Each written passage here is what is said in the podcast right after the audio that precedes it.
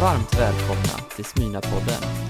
En podcast från Smyna-kyrkan i Göteborg. Fint att se er alla igen. Eh, jag har fått texten för idag tilldelad mig. Eh, och eh, vi är ju ett förkunnarteam och det är Lars Svensson som inte heter Svensson längre utan Cedergren. Som är vår pastor ute i Gårdsten som har lite jobbat med temana för de här tre söndagarna. Han har inte gjort det särskilt enkelt för någon av oss. Eh, men om ni vill ha en utläggning av den här texten av honom själv så kan ni åka till Gårdsten i eftermiddag för då predikar han över samma text. Eh, och rättar till saker, kanske. Eh, den här texten handlar om Andens utrustning. Men den handlar också i ett lite smalare perspektiv, eh, åtminstone till synes, så handlar den om, om profetians gåva. Och, eh, jag har egentligen en enda ambition med de här minuterna när jag ska predika och det är att försöka synliggöra det profetiska och vardagliggöra det. Med förhoppningen att det inte ska vara samma sak som att man bagatelliserar det eller banaliserar det, utan att bevara tron på att det här är något stort och viktigt. Gud vill att vi ska leva profetiska liv, men försöka flytta det så mycket det går till högst vardagliga situationer. Eh, jag har varit utomlands i veckan, eh, i Norge. Eh, och där kom det fram en dam efter en samling där jag hade talat. Och hon sa att hon hade tillverkat en gåva som hon ville att jag skulle ta hem till Lotta och mig. Hon hade själv gjort ett, slags, det var ett kors i trä, så här stort ungefär, som hon hade målat en massa saker på. Och så stod följande ord. Tiden är nå. Alltså fri översättning, tiden är nu. Eller kanske ännu bättre, nu är det tid. Och så berättade hon, när hon överlämnade den här gåvan, det jag faktiskt inte minns. Och det var att vi hade mötts tidigare, tre år sedan sa hon att det var. Eh, och då hade hon i ett kort samtal berättat att hon i många år hade velat skriva, skriva en bok om sitt liv.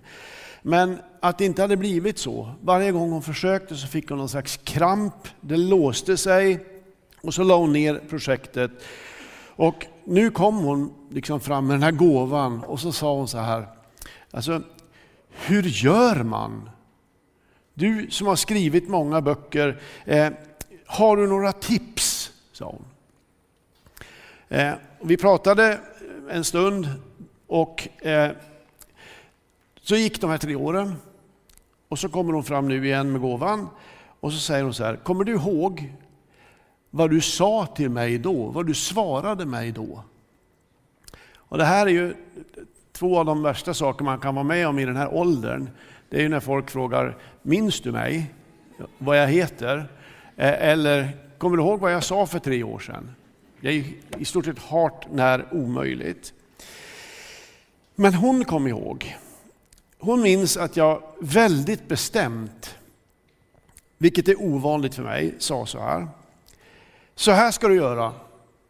Du ska åka hem och så ska du sätta dig vid ditt skrivbord och så ska du trycka på on på din dator och så ska du börja skriva. Alltså bry dig inte om hur det blir, bry dig inte om hur det känns, utan bara skriv. Som om hon inte skulle ha tänkt den tanken förut, eller hur? Att man trycker på datorn och börjar skriva. Men så sa jag. Och så sa hon nu, vet du vad som hände? Jag åkte hem, jag tryckte på on på min dator och så började jag skriva och så sa hon med ögon som glittrade av glädje. Nu är boken klar, sa hon. Nu har jag skrivit boken om mitt liv. Jag har aldrig känt eller tänkt om mig själv som någon profet. Men när jag var i de här tankarna under veckan och den här lilla vardagshändelsen sker så tänkte jag, det kanske är så här också som det profetiska fungerar. Att det kunde finnas någonting i det här spontana och högst vardagliga samtalet som inte bara var ett tips utan ett andens tilltal. Eh, nu är det tid. Tiden är nå. Jag skulle aldrig ha kommit på tanken då att jag profeterade över henne. Men jag tror faktiskt i efterhand att jag gjorde det. Jag tror att det är så självklart och vanligt på något sätt. Eh, jag tog det där samtalet som en påminnelse om att vi mer än någonsin behöver återupptäcka och ta på allvar det som jag idag vill kalla för ett, ett, ett profetiskt vardagsliv. Ett profetiskt vardagsliv. Och att det är just vardagligheten jag skulle vilja betona. Eh, Apostlagärningarna börjar med ett löfte om utrustning för uppdraget. Men ni ska få kraft när den helige Ande kommer över er. När man sen läser vidare genom apostlagärningarna och breven så slås man ju av vilken arsenal av gåvor som vi har i den helige Ande. I första Korinthierbrevet 12 till 14, de tre kapitlen där, så tecknas sen någon slags överblicksbild av Andens rustningskammare. Det är nästan som att man, att man tittar på en ritning av hur det här liksom fungerar och kan få fungera. Hur anden framträder hos var och en så att de blir till nytta. Och så räknas de här olika uttrycken av anden upp. Meddela vishet, kunskap, kraft att förmedla under, skilja mellan andar, tala tungomål och mycket, mycket mer. Och så mitt i det här långa talet, och jag tror placeringen är naturligtvis inte av en slump, så finns det som vi kallar för kärlekens lov. Eh, allt det här som handlar om det övernaturliga, det profetiska, måste och ska bäras och användas i kärlek. Annars blir det till ingen nytta, som det står, bara ett skrammel. Men kärlek i kombination med gåvan kan sträcka sig långt utöver det mänskliga. Vi uppmanas att söka de andliga gåvorna och mycket fokus sätts just på det profetiska. Jag läser ur första Korinthierbrevet. Sträva efter kärleken, men sök också vinna de andliga gåvorna. Helst gåvan att profetera. Ty den som talar med tungor talar inte till människor utan till Gud. Ingen förstår honom, i sin ande talar han hemligheter. Men den som profeterar, han talar till människor. Han bygger upp, förmanar och tröstar. Den som talar med tungor bygger upp sig själv, men den som profeterar bygger upp församlingen. Jag vill gärna att ni alla talar med tungor, men helst att ni profeterar. Av sammanhanget som följer kan man utläsa att det finns människor som Gud har gjort till apostlar, profeter, lärare och så vidare. Vilket ju inte innebär att dessa några har någon slags monopol på de andliga gåvorna. Utan alla har tillgång till dem. Alla som har anden har tillgång till gåvorna. Så det tycks vara så här. Gud kallar några till profeter. Han ger många gåvan att profetera. Men alla kan få frambära profetiska budskap och leva ett profetiskt liv. Märk den här ordningen. Några, många, alla. Vilket innebär Att ingen av oss behöver sitta och tänka, det här tillhör någon, en, en lite annan dimension av det andliga än där jag är. Detta handlar om alla. Ordet profet betyder ungefär att vara Guds röst. Alltså uppfatta Guds röst, Guds tilltal och sen förmedla det vidare till någon annan. Och syftet är ju glasklart beskrivet. Att bygga upp, att förmana och att trösta. Och det här kan ju ta sig så många uttryck. Det profetiska, profetiska kan verka på så många olika sätt. Ibland som en, en bekräftelse av någons gåvor och kallelse. Ibland får man förmedla det egentligen hur Gud ser på en person som kanske har hamnat i, ett träsk av dåligt självförtroende och nedåtblickande på sig själv. Och så får profeten komma med budskapet som bara egentligen säger, när Gud ser på dig så ser han någon han älskar. Han ser sin älskade dotter, sin älskade son. Glöm inte det. Profeten kan ibland måla upp det som ännu inte är, men som väntar i framtiden. Jag ska strax återkomma till det. Och så kan de där profetiska orden ibland vara förmanande. När Gud talar vägledande och korrigerande. Någonting vi heller inte ska vara rädda för. Men något som kräver att vi verkligen har hört från Gud och sen möter den person vi möter med genuin kärlek, ödmjukhet och vishet. När jag var 19 år gammal så eh, kom jag i, egentligen för första gången och på ett personligt sätt i kontakt med profetians gåva i funktion. Eh, det var sommar, jag befann mig på en gudstjänst i ett mötestält på vallen i Nordingrå i det vackraste av Sverige, nämligen Höga Kusten. Tältmöten var vanliga på den tiden. Det var ett slags liksom, campingliv för en hel församling. Och trots att mer än 40 år har förlöpt, sen det här korta ögonblicket, så kan jag fortfarande när jag är tillbaka i tanken där, så kan jag känna den där doften av torrt gräs, av tältduk och höra ljudet av linorna som slår mot tälttaket när det blåser. Mot slutet av den där gudstjänsten så hände något.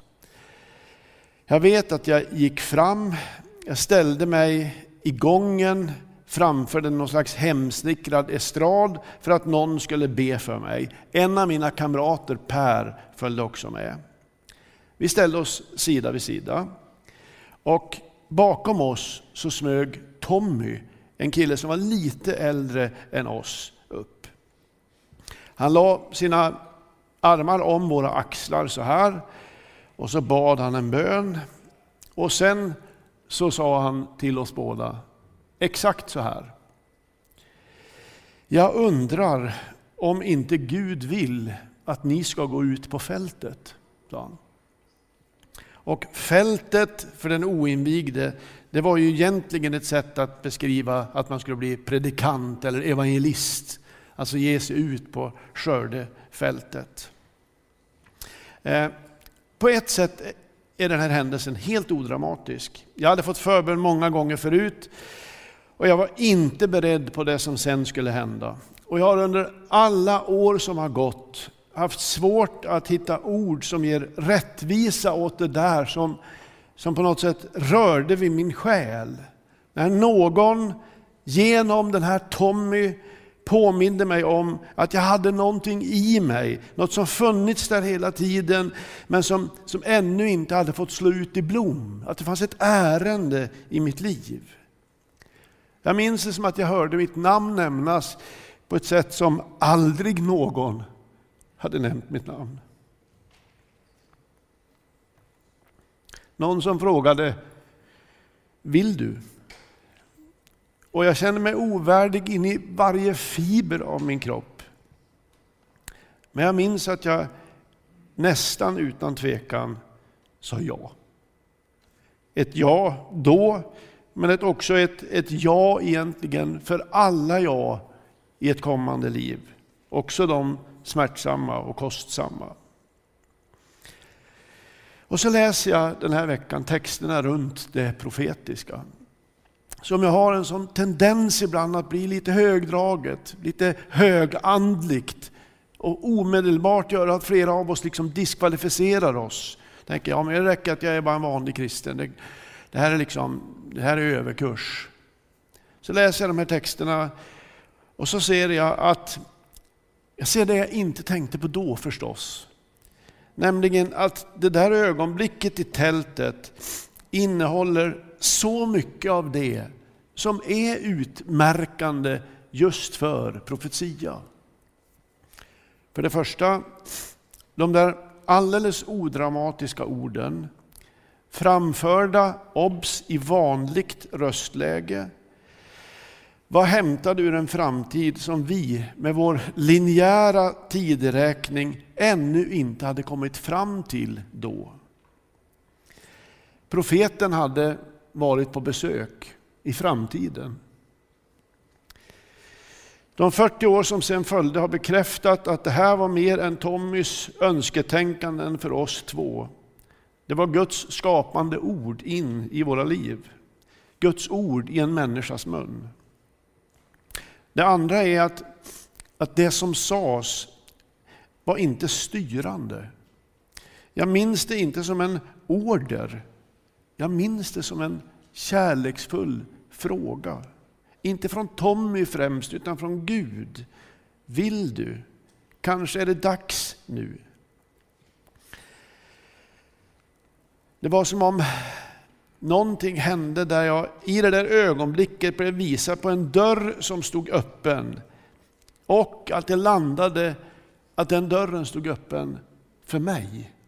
Alltså inte bara ett allmänt tilltal utan det där som är profetiskt tilltal, nämligen att, att det handlar om dig, det är nu. Det tredje är att budskapet innehöll, fastän inte uttalat, någonting väldigt uppmuntrande. Och Det här stämmer så väl överens med all undervisning om det profetiska i Nya Testamentet, att det, det finns där till uppbyggelse, för att bygga upp. Och ordet för uppbyggelse kan också betyda uppmuntran. Det är samma ord.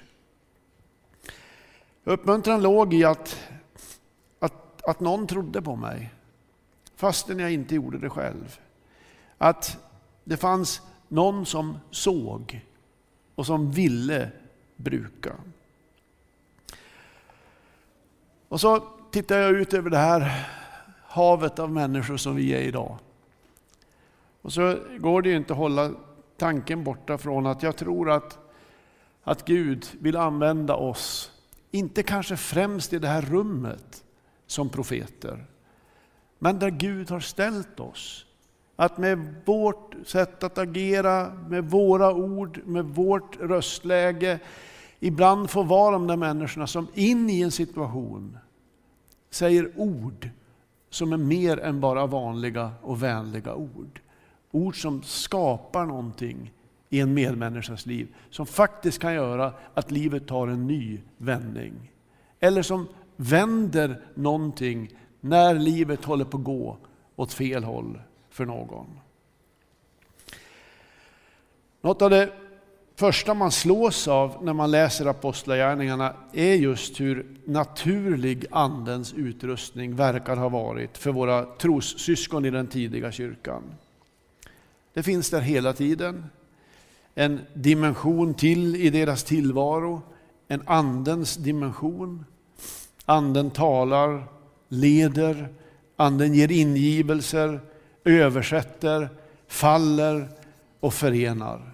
Hela tiden detta, i deras verksamhet, i deras liv, så är Anden närvarande och verksam.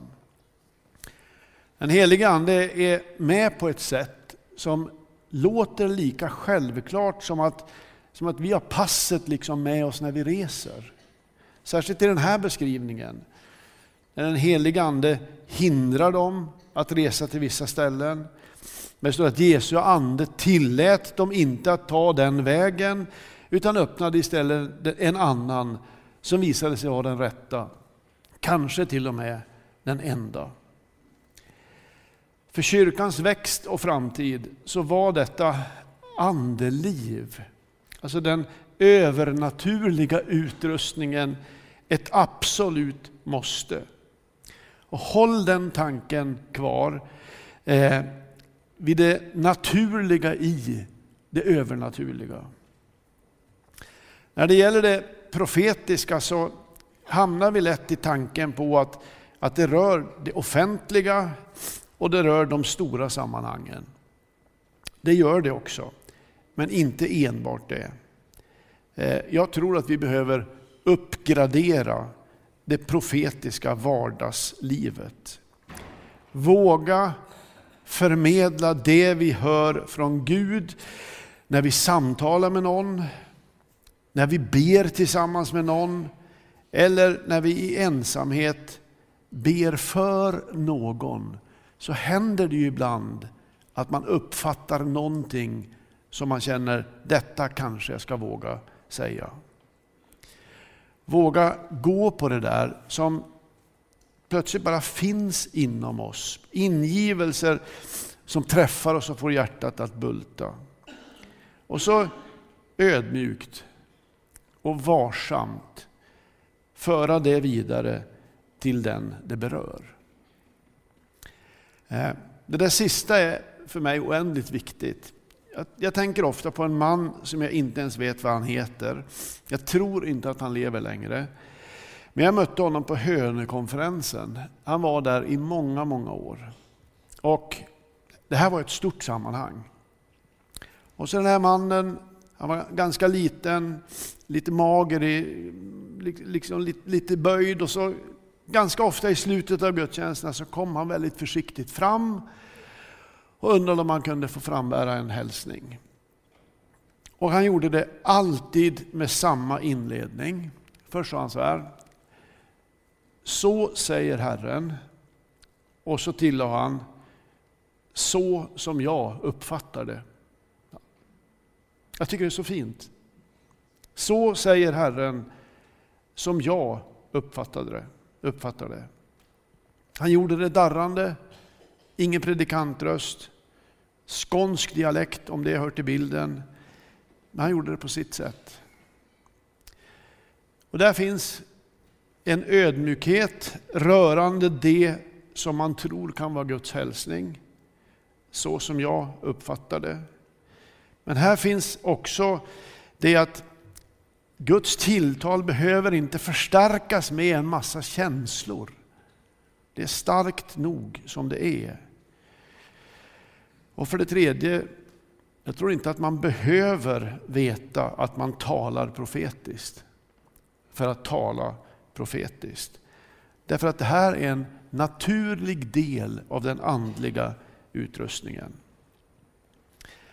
Rebecka läste den där texten då, Eh, där ifrån Apostlagärningarna 21, där det profetiska är en väsentlig del av sammanhanget. Och där det också råder lite olika meningar om vad det Gud har sagt egentligen betyder. Jag måste säga att jag tycker det är lite skönt att den här texten finns där.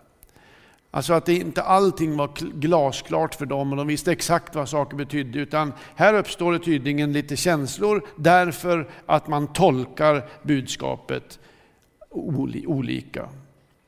Och den där osäkerheten som vi kan känna av, alltså är detta rätt? Gör ju inte att vi ska använda utrustningen mindre. Utan den, den tycker jag bara förstärker att här är någonting vi ska vara frimodiga i, men vi ska också vara varsamma och lyssnande på varann. Vi har i kapitlen innan och i första delen av det här kapitlet fått följa Paulus på hans tredje missionsresa. Han åker fraktfartyg och han passerar eller lägger till vid hamnar på öar som i våra öron låter som om man är ute på en semesterresa. Han öluffar liksom. Här nämns orter som Aten, Kos, Rhodos och Cypern. Hör ni?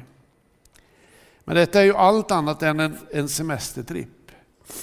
Målet är inställt på Jerusalem och det som väntar där, det vet han, är bojor, smälek och tortyr. Nu har Gud talat till, har Gud talat. Han har talat till Paulus, men han har talat till fler än Paulus. Texten i Apostlagärningarna handlar om det som ligger steget efter uppenbarelsen, nämligen tolkningen av den. Att vi hör samma sak, men att vi uppfattar det olika. När Paulus vill ge sig iväg till Jerusalem så blir han varnad av olika människor på olika sätt. Man, man får en känsla av att, jag tänkte på det igen när du läste Rebecka, man får en känsla av att det är, det är Paulus, det, det är deras omsorg om Paulus som liksom hamnar i vägen för det som är Guds vilja för Paulus. Den där oron som vaknar till liv hos några kristna i Tyros beskriver det. De avråder honom och det kraftigaste från att åka. Åk inte Paulus. Och så Agabos, han som var känd och erkänd som profet. Han varnar inte bara med ord, han utför till och med en profetisk handling. Han tar Paulus bälte, binder det om sina händer och sina fötter och så säger han att den som äger det här bältet ska bli så här, behandlad så här i Jerusalem. Med samma budskap, åk inte. Och när vers 12 säger att detta ledde till att vi och folket vädjade om att han ska avboka resan, så inser man att då är Lukas, som skriver Apostlagärningarna, också en av dem som avråder och varnar. Och så märk att det så tydligt står att de som varnade honom gjorde det på Andens ingivelse. Så vem hade hört rätt? Jag tror eh, att frågan är fel ställd. De var eniga om vad de hade hört. Men de var inte riktigt eniga om vad det betydde. Budskapet var kristallklart. Paulus gick mot bojor, men tolkningen av det, alltså vilka slutsatser som skulle dras, det är alltid färgat av det mänskliga, av oss själva. Och i det här fallet som jag sa, så tror jag det är välviljan och omsorgen om Paulus som färgar deras tolkning av det som är Guds hälsning. Och det är inget konstigt med det. Paulus själv verkar inte ha tolkat det profetiska på samma sätt. Han tolkar det inte som att han ska stanna hemma, avstå resan, utan snarare som en, liksom en signal till höjd beredskap. Jag är övertygad om att han lyssnade på sina vänner. Jag är övertygad om att han tog in deras ord och övervägde dem. Men uppenbart förändrade det inte hans resväg. Kanske förändrade det hans sätt att gå den vägen. Att hans överlåtelse genom det som hände fördjupades ännu mer. Därför att ibland måste vi gå igenom sånt som vi helst skulle vilja slippa. Ibland är det faktiskt så att Gud leder oss igenom sånt som vi mänskligt sett säger, låt mig slippa det här. Och med risk för att läsa in lite för mycket i texten så tycker jag man kan ana en sak som saknas när de översätter Paulus ord på det som de hör Gud säga. Och det är uppmuntran. Lyssna igen. Då svarade han, varför gör ni så? Gråter och slår ner modet på mig. Jag är beredd att inte bara låta mig fängslas utan också lida döden i Jerusalem för Herren Jesu namns skull. Och så kommer det mest trösterika av allt. Alltså det finns en väg framåt.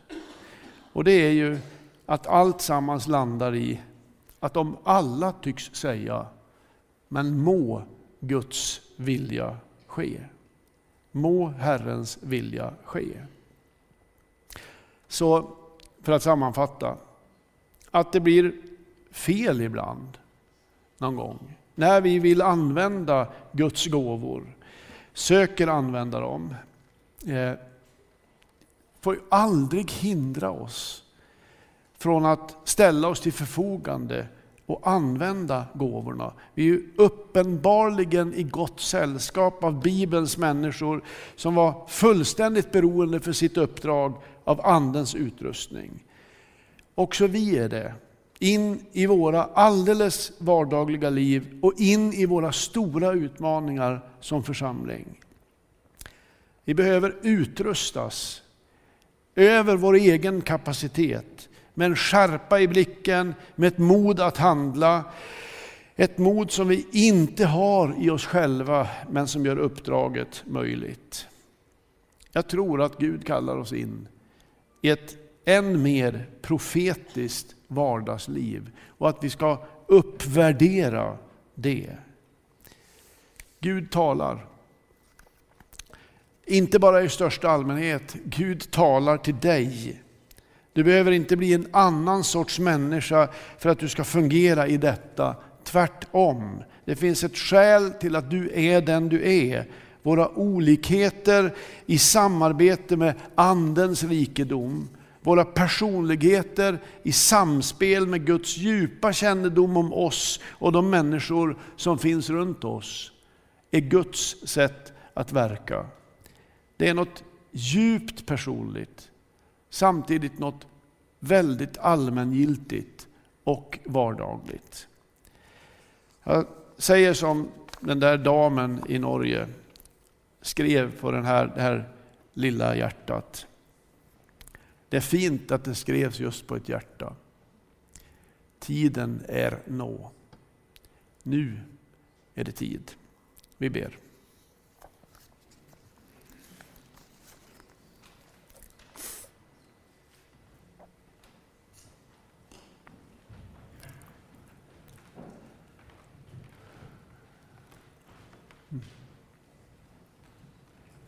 Herre, jag tackar dig för att vi får mötas i ditt hus. Så tackar dig för att du har gett oss ditt ord som vägleder oss också på vägar där det inte alltid är lätt att sortera, veta hur vi ska tänka, veta exakt hur vi ska handla. Men tack för att ditt ord är levande och verksamt. Herre, tack för att ditt ord visar oss vägar att gå. Jag ber därför om ett ännu större förtroende för ditt ord i skriften, men också när du talar till oss och genom oss. Och jag ber om mod. Jag ber om mod, Herre, att inte stänga inne allt och kväva allt eller svälja allt. Jag ber om modet att få vara din mun, att få vara din röst. I Jesu namn. Amen. Du har lyssnat på en predikan från Smyrnakyrkan i Göteborg. Hjärtligt välkommen att lyssna igen eller besöka Smyrnakyrkan. Gud välsigne dig och din vecka.